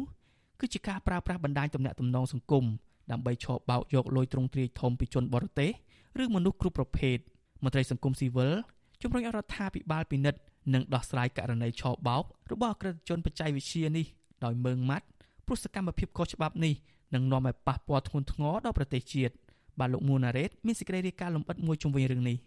បច្ចុប្បន្ននេះជនជាតិចិន កំពុងតែបើកដំណើរការក្រុមហ៊ុនឆបោកតាមអនឡាញនៅជាច្រើនកន្លែងនៅក្នុងស្រុកខ្មែរនិងកំពុងតែតាក់ទាញប្រជាពលរដ្ឋខ្មែរជាច្រើនអ្នកទៅធ្វើការឲ្យពួកគេតាមរយៈការផ្ដល់ប្រាក់ខែខ្ពស់បើទោះបីជាយ៉ាងនេះក្តីមានមនុស្សតិចណាស់ដែលបានដឹងអំពីសកម្មភាពខុសច្បាប់និងរឿងរ៉ាវអាត់កំបាំងនៅពីក្រោយអាជីវកម្មអនឡាញរបស់ក្រុមហ៊ុនចិននេះ បរិះម្នាក់ដែលធ្លាប់ធ្វើការឲ្យក្រុមហ៊ុនអនឡាញរបស់ជនជាតិចិនដែលសុំមិនបញ្ចេញឈ្មោះប្រាប់វិទ្យុអស៊ីសេរីថាដោយសារតែលោកបាត់បង់ការងារនៅក្នុងអំឡុងពេលនៃវិបត្តិដោយសារតែជំងឺ Covid-19 លោកបានព្យាយាមស្វែងរកការងារថ្មីជាបណ្ដោះអាសន្នដើម្បីដោះស្រាយជីវភាពនិងបំណុលបន្ទាប់មកលោកបានដាក់ពាក្យចូលធ្វើការនៅក្រុមហ៊ុនអនឡាញរបស់ចិនមួយកន្លែងដែលមានឈ្មោះថា Global International ស្ថិតនៅជិតបរិយាសន្តិភាព2ក្នុងសង្កាត់ចោមចៅកាលពីខែសីហាក្រោយឃើញក្រុមហ៊ុនប្រកាសលើ Facebook ជ្រើសរើសបុគ្គលិកជាច្រើនអ្នកផ្នែកផ្ដល់សេវាជូនអតិថិជនក្រុមហ៊ុនសន្យាផ្ដល់ប្រាក់ខែចាប់ពី800ដុល្លារដល់1000ដុល្លារអាមេរិកនៅក្នុងមួយខែក៏ប៉ុន្តែពុំមានសេរីភាពនោះទេហើយបុគ្គលិកត្រូវចេះភាសាអង់គ្លេសនិងកុំព្យូទ័រ វាឲ្យកន្លែងស្នាក់នៅយើងកន្លែងហូបចុកដល់យើងប៉ុន្តែគឺនៅក្នុងបរិវេណគេហ្នឹងហ្មងហើយយើងអត់អាចចេញបានទេព្រោះមានសន្តិសុខគេយាមឲ្យសន្តិសុខហ្នឹងមានទាំងដបងឆក់មានទាំងខ្នោះដៃមានទាំងភ្លើងអីអញ្ចឹងយើងខ្លាចគេឲ្យមួយខែឈប់ម្ដងសូម្បីតែឈប់ម្ដងហ្នឹងក៏យើងអត់អាចចេញតាណាបានដែរគឺយើងនៅតែក្នុងបន្ទប់កន្លែងយើងដេកហ្នឹង បរិះរូបនេះឲ្យដឹងទៀតថាក្រុមហ៊ុនឆោបោករបស់ចិនមួយនេះជាក្រុមហ៊ុនខ្នាតធំមានអាគាររោងចក្រនិងអាគារខុនដូ2សម្រាប់ឲ្យបុគ្គលិកប្រមាណ500នាក់ស្នាក់នៅ ក្រៅពីនេះក្រុមហ៊ុនចិននេះក៏មានសាខាជាច្រើនកន្លែងទៀតដូចជានៅព្រំដែនជ្រៃធំនៅក្នុងខេត្តកណ្ដាលនិងខេត្តប្រស័យអនុ លោកបានធ្វើការងារឲ្យក្រុមហ៊ុនអនឡាញនេះជិត1ខែក៏លាឈប់ទាំងមិនបានប្រាក់កម្រៃហើយបដូរទៅធ្វើការនៅក្នុងក្រុមហ៊ុនអនឡាញចិនមួយទៀតនៅឯខេត្តប្រស័យអនុនៅក្នុងខែកញ្ញានៅក្នុងអាគារខុនដូមួយកន្លែងជិតវត្តអិនតញៀនហៅវត្តក្រោម លោកបញ្ជាក់ថាក្រុមហ៊ុនចិនទាំងពីរប្រើប្រាស់វិធីឆបោកតាមប្រព័ន្ធអនឡាញដូចគ្នាលោករៀបរាប់ថាពេលចូលធ្វើការភ្លាមមេកាចិនបានចែកទូរស័ព្ទឲ្យបុគ្គលិកម្នាក់5ទៅ10គ្រឿងនិងកុំព្យូទ័រមួយគ្រឿងមេកាចិនក៏ណែនាំឲ្យបង្កើតបណ្ដាញទំនាក់ទំនងសង្គមคล้ายៗជាច្រើនដូចជា Facebook Telegram WhatsApp និង Twitter ជាដើមដោយដាក់រូបជាបរិះនិងនារីស្អាតស្អាត លោកបន្តថាបន្ទាប់មកបុគ្គលិកទាំងអស់ត្រូវភ្ជាប់បណ្ដាញទំនាក់ទំនងទាំងនោះទៅកាន់មនុស្សដែលពួកគេមានគម្រោងឆបោកក៏ប៉ុន្តែក្រុមហ៊ុនចិនដែលលោកធ្វើការនៅខេត្តប្រស័យអនុនោះមានគោលដៅឆបោកតែជនជាតិអាមេរិកតែប៉ុណ្ណោះ ព្រោះជាទូទៅគឺអាប្រភពដែលត្រូវរកភ្ញៀវសំខាន់ហ្នឹងគឺ Facebook ក្រៅពី Facebook យើងមានអា media ផ្សេងផ្សេងឬ application ផ្សេងផ្សេងដែលសម្រាប់តាក់ទងពួកបរទេសទៅភាគច្រើនការដែលខ្ញុំធ្វើហ្នឹងគឺខ្ញុំតាក់ទងទៅខាងពួកអាមេរិកហើយពេលដែលយើងបង្កើត Facebook ហើយយើងត្រូវចំ Facebook ហ្នឹងឲ្យវាដើរទៀតឲ្យក្រុមហ៊ុន Facebook មើលមកថាជា account ដែលមនុស្សលេងជា account ដែលក្របច្បាប់ជិះវៀនការ ban account ពីក្រុមហ៊ុន Facebook ចឹងណា អតីតបុគ្គលិកក្រុមហ៊ុនចិនរូបនេះរៀបរាប់បន្តទៀតថាវិធីឆបោកតាមប្រព័ន្ធអនឡាញទាំងនោះមានជាច្រើនប្រភេទដូចជាការលួងលោមនិងបញ្ចុះបញ្ចូលឲ្យជនរងគ្រោះដាក់ប្រាក់វិនិយោគដើម្បីទទួលបានអត្រាការប្រាក់ទ្វេដងនិងការប្រើប្រាស់មនោសញ្ចេតនាស្នេហាคล้ายៗជាមួយនឹងជនរងគ្រោះជាដើម នៅពេលដែលជនរងគ្រោះជឿទុកចិត្តនិងធ្លាក់នៅក្នុងមនោសញ្ចេតនាស្នេហាហើយនោះអ្នកឆោបោកតែងតែត្អូញត្អែអំពីវិបត្តិហិរញ្ញវត្ថុនិងស្នើសុំជំនួយហិរញ្ញវត្ថុហើយករណីខ្លះជនជាតិចិនអាចងាកទៅប្រើវិធីគំរាមកំហែង ឬជំរិតទារប្រាក់បន្ថែមទៀតតាមដែលពួកគេចង់បាន គឺចិនគាត់មានរៀបចំតួអង្គជាតួស្រីឬតួប្រុសម្នាក់ហ្នឹងសម្រាប់តួមួយមួយគឺគាត់មានរូបមានវីដេអូគ្រប់គ្រាន់ដែលអ្នកអត់ដឹងគិតថា account ប្រកបអញ្ចឹងជាទូទៅគឺយើងអត់តំណតំណងទៅភ្ញៀវមុនទេត្រូវធ្វើរឹកខ្លួនឯងនឹងឲ្យសមជាម្នាក់នៅក្នុងរូបហ្នឹងតបមកទៀតយើងនិយាយពេលដែលតំណតំណងជាមួយភ្ញៀវគឺយើងព្យាយាមយកលេខតំណតំណងព័ត៌មានលម្អិតរបស់គាត់ឲ្យអស់ហ្នឹងហើយយើងអត់បញ្ញាពេកទេយើងធ្វើមិនឲ្យអាតំណតំណងរបស់យើងជាមួយនឹងភ្ញៀវហ្នឹងកាន់តែស្អិតរមួតដើម្បីឲ្យគេជឿជាក់លើយើងហើយគេញ៉ាលុយមកយើងក្រោយធ្វើការឲ្យក្រុមហ៊ុនចិននៅខេត្តប្រសិទ្ធអនុបានមួយខែលោកក៏សម្រេចឈប់ពីការងារវិញព្រោះយល់ថាជាការចាញ់បោកជនជាតិចិន និងបារម្ភខ្លាចប្រឈមមុខផ្លូវច្បាប់ ពលរដ្ឋយើងបើសិនជាវាយកទៅវាគិតតែអត់ប្រយោជន៍គឺវាប្រឈប់អញ្ចឹងបានន័យថាវាបោកយើងប្រើអស់មួយខែបាត់ហើយហ្នឹងហើយមួយទៀតគោលដៅទីតាំងនេះចេញមកពីខ្មែរយើងអញ្ចឹងវាធ្វើឲ្យគេស្អប់ជាតិសាសន៍របស់យើងហើយការបោកនេះខ្ញុំនិយាយថាវាធំធេងវាវាច្រើនយើងគិតថាមួយថ្ងៃបើបុគ្គលិកមួយបោកមនុស្សត្រឹមតែ10ទៅ20នាក់អញ្ចឹងគឺមួយឆ្នាំវាច្រើនណាស់អញ្ចឹងក្នុងមួយខែមួយខែគាត់លេខតំណតំណងទៅឲ្យក្រុមហ៊ុនចិត្តហ្នឹងគឺវាច្រើនមែនតើហើយខ្មែរយើងអាចខ្លាចជាអ្នករងគ្រោះឬអាចជាប់គុកព្រោះឧទាហរណ៍ថាបើសិនណាជាមានអាជ្ញាធរឬក៏ប៉ូលីសអីគាត់ដឹងហើយគាត់ចុះទៅចាប់ហ្នឹងខ្ញុំថាចិនហ្នឹងគឺវាយករួចខ្លួនអស់ហើយបរោះម្នាក់ទៀតដែលធ្វើការឲ្យក្រុមហ៊ុនចិនអនឡាញនិងសុំមិនបញ្ចេញឈ្មោះដែរនោះលើកឡើងដូចគ្នាថាមូលហេតុដែលលោកចូលធ្វើការនៅក្រុមហ៊ុនចិន Global International នោះព្រោះដំបូងគិតថាក្រុមហ៊ុននេះ បើកអាជីវកម្មស្របច្បាប់ដោយសារតែក្រុមហ៊ុននេះប្រកាសជ្រើសរើសបុគ្គលិកផ្នែកផ្ដល់សេវាអតិថិជនលោកបានធ្វើការនៅទីនោះមួយខែ កាលពីខែកញ្ញាហើយក៏លាឈប់វិញ ទាំងមិនបានប្រាក់ឈ្នួលដោយសារតែមិនចង់បន្តធ្វើការខុសច្បាប់តទៅទៀត លោកបន្តថាកន្លែងដែលលោកធ្វើការនោះគឺជនជាតិចិនបានបែងចែកជាក្រុមនិងកំណត់គោលដៅឆបោកផ្សេងផ្សេងគ្នាដោយក្រុមខ្លះឆបោកប្រទេសនៅក្នុងតំបន់អាស៊ីនិងក្រុមខ្លះឆបោកនៅអាមេរិកនិងក្រុមខ្លះទៀតឆបោកមនុស្សគ្រប់ប្រភេទនៅនៅគ្រប់ទីកន្លែង លោកបន្តទៀតថាដើម្បីសម្រេចគម្រោងឆបោកដំបូងក្រុមអ្នកឆបោកត្រូវបង្កើតបណ្ដាញទំនាក់ទំនងសង្គមคล้ายៗទាំងអស់រួចហើយតាក់ទងទៅកាន់ជនរងគ្រោះបន្ទាប់មកក្រុមអ្នកឆបោកនឹងប្រើប្រាស់បច្ចេកទេសឆបោកបែបប្រតិក្រឡាគ្នាមួយចំនួនទៅតាមផែនការរបស់ជនជាតិចិនដូចជាណែនាំឲ្យជនរងគ្រោះដាក់ប្រាក់វិនិយោគណែនាំឲ្យដាក់ប្រាក់ភ្នាល់លបែងស៊ីសងនិងការសន្យាជួយរកការងារនិងផ្ដល់របស់មានតម្លៃក៏ប៉ុន្តែត្រូវឲ្យដាក់ប្រាក់កក់ និងបំពេញឯកសារផ្ទាល់ខ្លួនមួយចំនួនរួចហើយជនជាតិចិននឹងលួចដកលុយឬលួចចូលគណនីធនាគាររបស់ជនរងគ្រោះតែម្ដង គេមានរូបមន្តដែលគេឲ្យយើងរៀនធ្វើម៉េចតាក់ទងថាយើងជាក្រុមហ៊ុន financial consultant នេះអញ្ចឹងនៅនៅហ្វីលីពីនអញ្ចឹងបងបើកវិនិយោគនៅនឹងបើកបើកតាត់នៅនឹងអញ្ចឹងរួចបើអ្នកចង់វិនិយោគជាមួយក្រុមហ៊ុនខ្ញុំចង់ធ្វើការក្រៅម៉ោងអីខ្ញុំមាន account នឹងមានក្រុមមេក្រុមមេអីអញ្ចឹងអានឹងមានកម្មវិធីអញ្ចឹងបងនិយាយប្រាប់គេអញ្ចឹងឧទាហរណ៍ថាភ្ញៀវដាក់លុយដំបូង100 200ដុល្លារអញ្ចឹងគេអត់ទាន់ធ្វើស៊ីទេមកប្រមូលគេថាជាត្រឹម5000ឡើងបង5000ហើយកាយស៊ីអញ្ចឹង5000ទៅ10000បាននេះដាក់លុយចូលក្នុងកងក្រុមហ៊ុនបោកហ្នឹងទៅគឺគេអត់ផ្ញើយើងវិញទេលោកឲ្យដឹងទៀតថាក្រុមហ៊ុនឆោបោកតាមអនឡាញនេះគឺមានច្រើនកន្លែងជាពិសេសនៅតំបន់ដែលជនជាតិចិនរស់នៅច្រើនដូចជានៅភ្នំពេញខេត្តកណ្ដាលខេត្តកោះកុងក្រុងបាវិតក្រុងប៉ោយប៉ែតនិងក្រុងប្រស័យអនុជាដើមក្រៅពីជនជាតិខ្មែរក៏មានជនជាតិថៃហ្វីលីពីនឥណ្ឌូនេស៊ីនិងជនជាតិឥណ្ឌាដែលកំពុងតែធ្វើការឲ្យក្រុមហ៊ុនចិនទាំងនោះផងដែរ ក្រុមហ៊ុននីមួយៗមានជនជាតិចិនគ្រប់គ្រងចាប់ពី30ទៅ100នាក់ក្រុមហ៊ុនឆោបោកនេះតែងតែផ្លាស់ប្ដូរទីតាំងពីកន្លែងមួយទៅកន្លែងមួយផ្សេងទៀតជាញឹកញាប់ហើយពួកគេតែងតែជួលផ្ទះល្វែងឬអាគារខុនដូនិងសន្តាគារធំធំឬក៏ផ្ទះវិឡាដាច់ដោយឡែកតែម្ដងដើម្បីងាយស្រួលធ្វើសកម្មភាព ពលរដ្ឋរូបនេះជឿថាការដែលជនជាតិចិនអាចបើកក្រុមហ៊ុនឆបបោកទ្រង់ទ្រាយធំនៅប្រទេសកម្ពុជាបានបែបនេះគឺប្រកាសជាមានមន្ត្រីជាន់ខ្ពស់រដ្ឋាភិបាលមួយចំនួនជាអ្នកការពារនៅពីក្រោយខ្នងដើម្បីចែកផលប្រយោជន៍គ្នាជាក់ជាមិនខាន។ រកស៊ីអនឡាញខុសច្បាប់ទៅទៅបើកនៅទឹកដីពេញកើតអញ្ចឹងខ្ញុំគិតថាមានអ្នកកាងធំបើអ្នកកាងហ្នឹងខ្ញុំពិភាក្សាមើលប្រហែលជាត្រឹមកាយ4ហើយក៏កាយ3តែធ្វើការក្នុងជួររាជរដ្ឋាភិបាលព្រោះអីកំបីដែលឡានបើកនៅក្នុងនោះក៏មានដាក់ផ្លាកខេមរៈភូមិន្ទដែរបងគេអត់បារម្ភបើគេមានខ្នងបង្អែកពីក្រោយអញ្ចឹងហើយបងព្រោះខ្ញុំគិតថាខ្នងបង្អែកគេហ្នឹងគេស៊ីលុយធំរួចហើយ លោកអះអាងទៀតថាប្រជាពលរដ្ឋខ្មែរដែលធ្វើការឲ្យក្រុមហ៊ុនចិនទាំងនោះក៏អាចជាជនរងគ្រោះដែរព្រោះត្រូវជនជាតិចិនបង្ខំឲ្យធ្វើការនៅទីនោះរយៈពេល1ខែទៅ2ខែហើយចុងក្រោយបណ្ដេញចេញទាំងគ្មានប្រាក់ឈ្នួលឬក៏ត្រូវបង់លុយឲ្យជនជាតិចិនថែមទៀតផង ជាធ្នូនឹងការបានសេរីភាពមកវិញ។ វិទ្យុអាស៊ីសេរីមិនទាន់អាចស្វែងរកប្រភពតាក់ទងតំណាងក្រុមហ៊ុនចិនឈ្មោះ Global International នេះដើម្បីសាកសួររឿងនេះបានទេ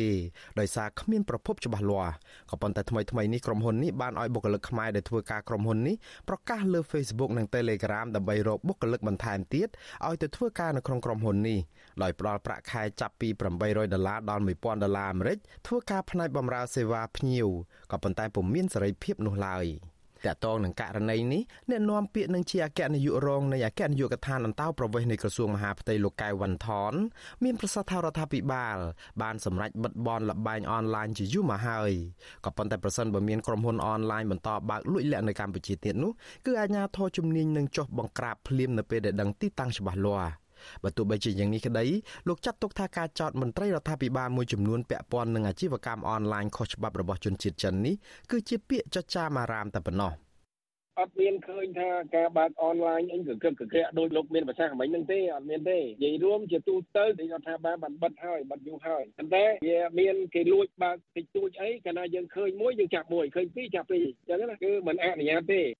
ករណីជនជាតិចិនបើកអាជីវកម្មអនឡាញខុសច្បាប់នេះមិនមែនទើបតែកើតឡើងថ្មីថ្មោងនោះទេកន្លងទៅអាជ្ញាធរកម្ពុជាតែងតែបង្ក្រាបបានជនជាតិចិនជាទ្រង់ទ្រាយធំជារឿយៗហើយបញ្ជូនទៅប្រទេសរបស់ពួកគេជាបន្តបន្ទាប់ដែរ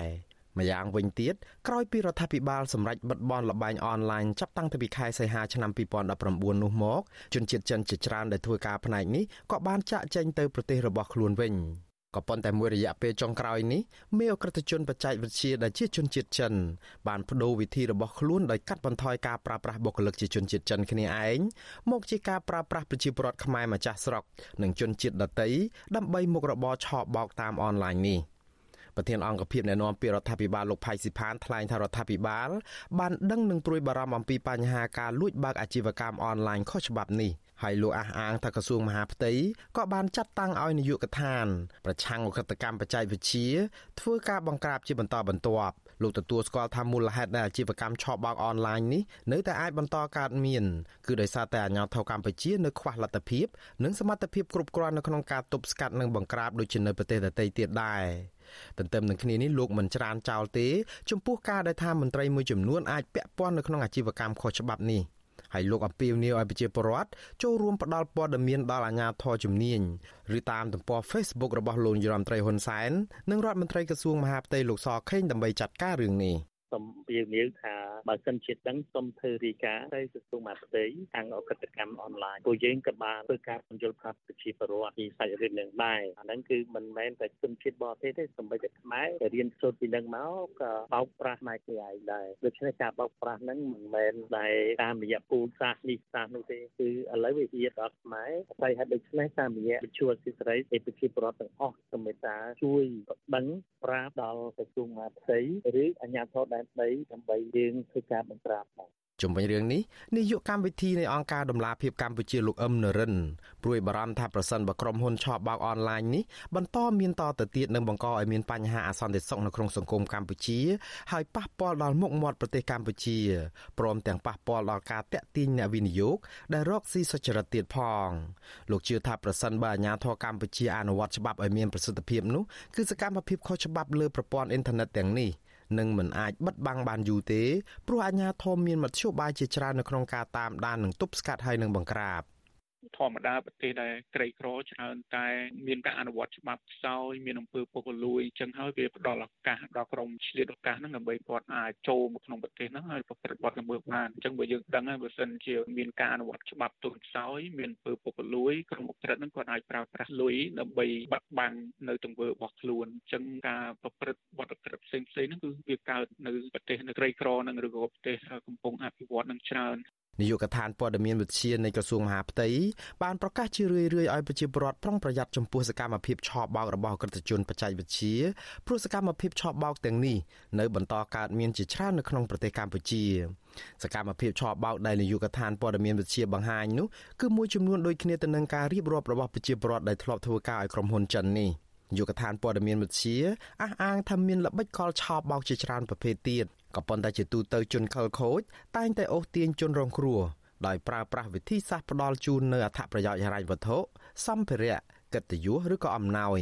ដែលមានតម្លៃនិងងាយស្រួលនៅក្នុងការទទួលបាន ជាមួយនឹងលក្ខខណ្ឌងាយងាយ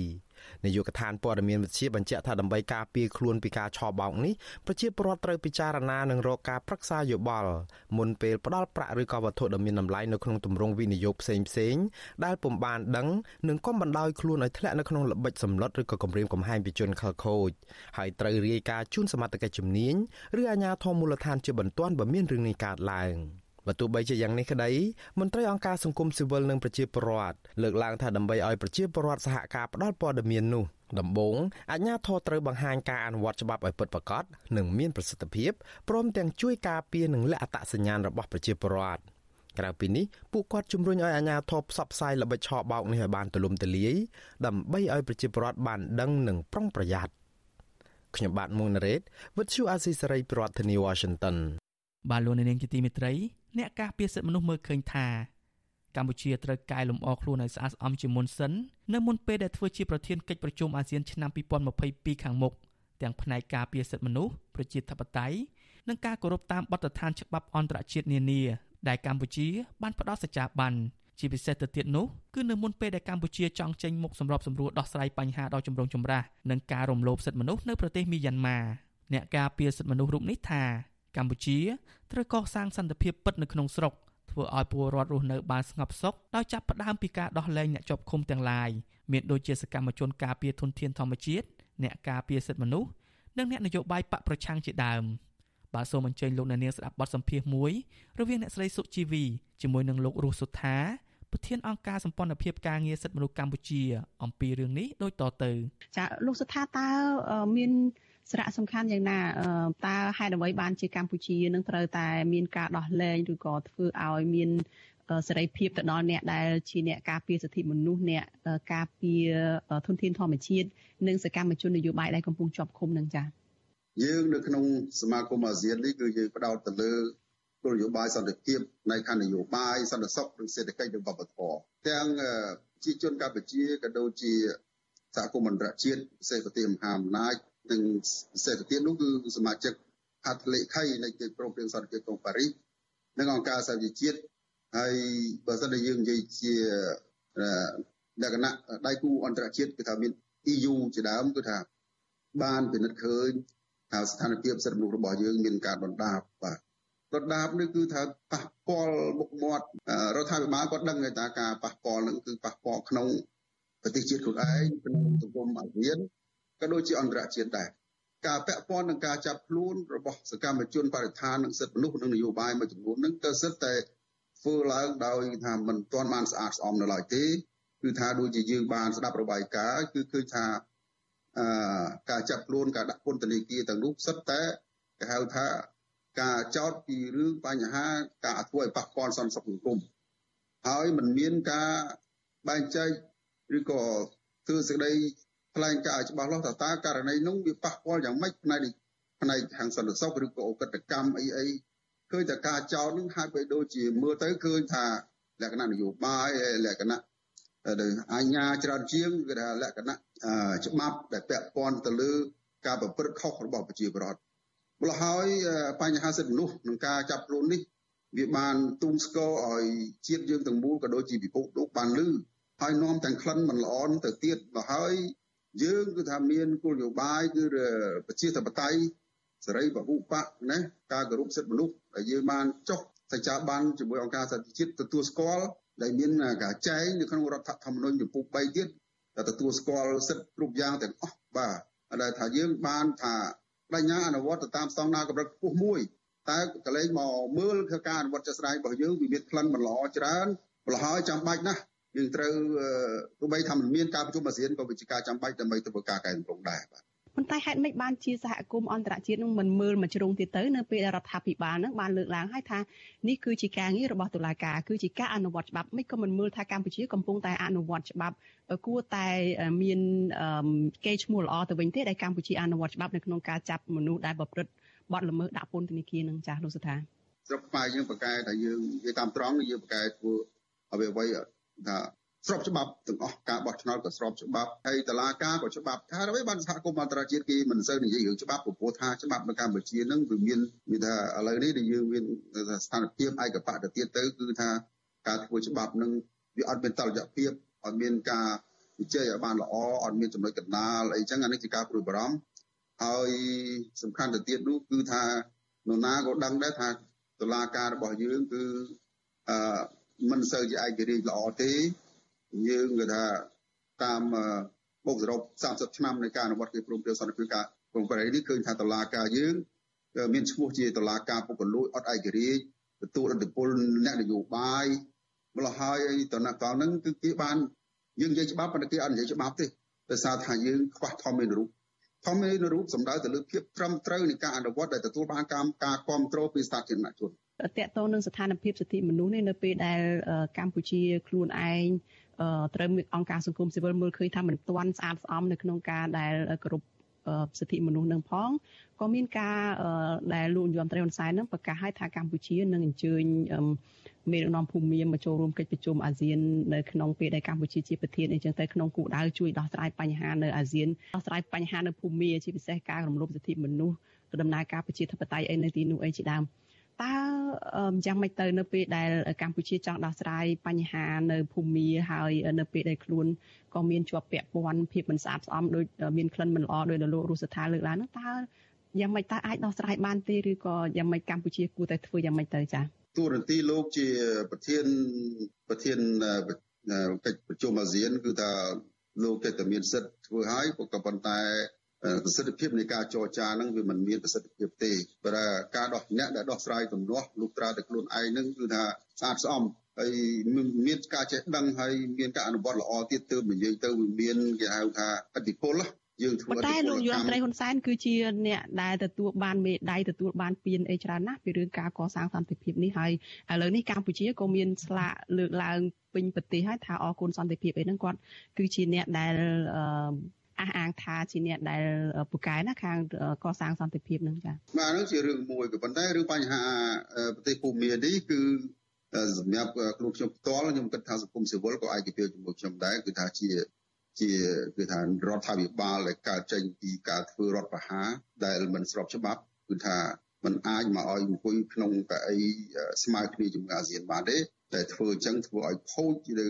អធិពលអាស៊ានហើយអាចលើកកម្ពស់ដែល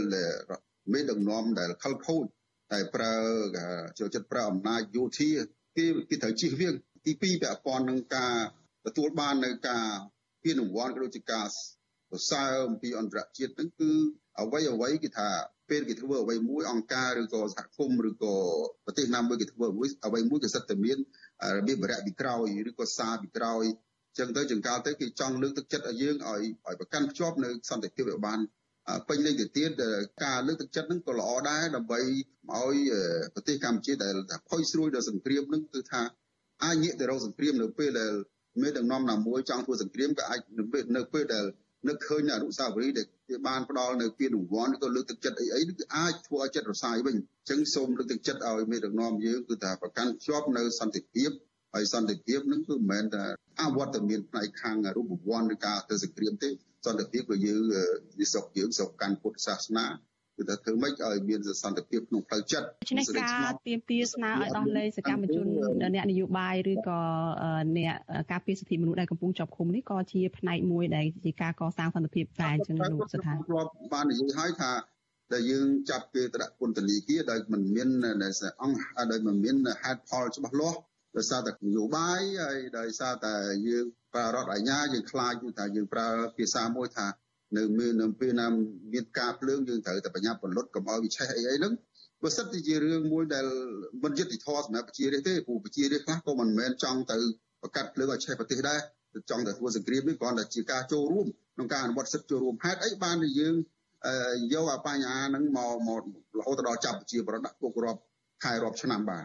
អានឹងហើយធ្វើឲ្យមានសេចក្តីឈឺចាប់ហើយសេចក្តីឈឺចាប់នឹងហើយដែលប៉ះពាល់ដល់សុខសន្តិភាពផ្លូវចិត្តរបស់មនុស្សលោក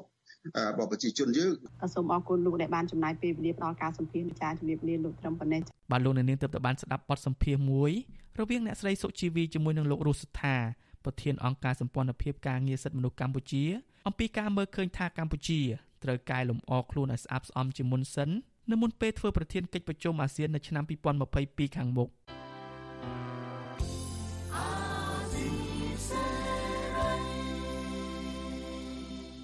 បាទលោកនាងជាទីមេត្រីការផ្សាយរយៈពេល1ម៉ោងនៃវិទ្យុអេស៊ីសរ៉ៃជាភាសាខ្មែរនៅពេលនេះចប់តែប៉ុណ្ណេះយើងខ្ញុំសូមជូនពរដល់លោកនាងព្រមទាំងក្រុមគ្រួសារឲ្យជួបប្រកបតែនឹងសេចក្តីសុខចម្រើនរុងរឿងកំបីគ្លៀងគ្លាតឡើយខ្ញុំបាទជាចំណានព្រមទាំងក្រុមការងារនៃវិទ្យុអេស៊ីសរ៉ៃសូមអរគុណនិងសូមជម្រាបលា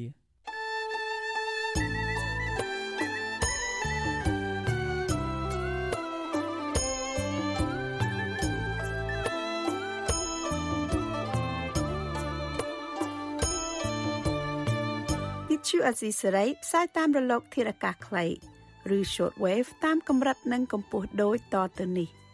ពេលព្រឹកចាប់ពីម៉ោង5កន្លះដល់ម៉ោង6កន្លះតាមរយៈរលកធារកាសខ្លី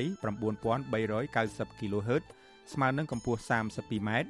និង11850 kHz ស្មើនឹងកម្ពស់ 25m ពេលយប់ចាប់ពីម៉ោង7កន្លះដល់ម៉ោង8កន្លះតាមរយៈរលកធារកាសខ្លី 9390 kHz ស្មើនឹងកម្ពស់ 32m និង15155 kHz ស្មើនឹងកម្ពស់ 25m លោកអ្នកនាងក៏អាចស្ដាប់ការផ្សាយផ្ទាល់តាមប្រព័ន្ធអ៊ីនធឺណិតដោយចូលទៅកាន់គេហទំព័រ www.rfa.org/ ខ្មែរក្រៅពីនេះលោកអ្នកនាងក៏អាចអាននិងទស្សនាព័ត៌មានវិទ្យុអេស៊ីសរ៉ៃលើទូរស័ព្ទដៃរបស់លោកអ្នកផ្ទាល់ សូមលោកអ្នកនាងចូលទៅកាន់បណ្ដាញសង្គម Facebook ដែលមានអាសយដ្ឋាន www.facebook.com/rfa.cambodia និង YouTube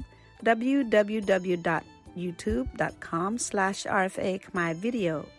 សូមលោកអ្នកនាងចុច like និងចុច subscribe ដើម្បីទទួលបានព័ត៌មានថ្មីៗទាន់ហេតុការណ៍និងទស្សនាវីដេអូផ្សេងៗទៀតបានគ្រប់ពេលវេលា។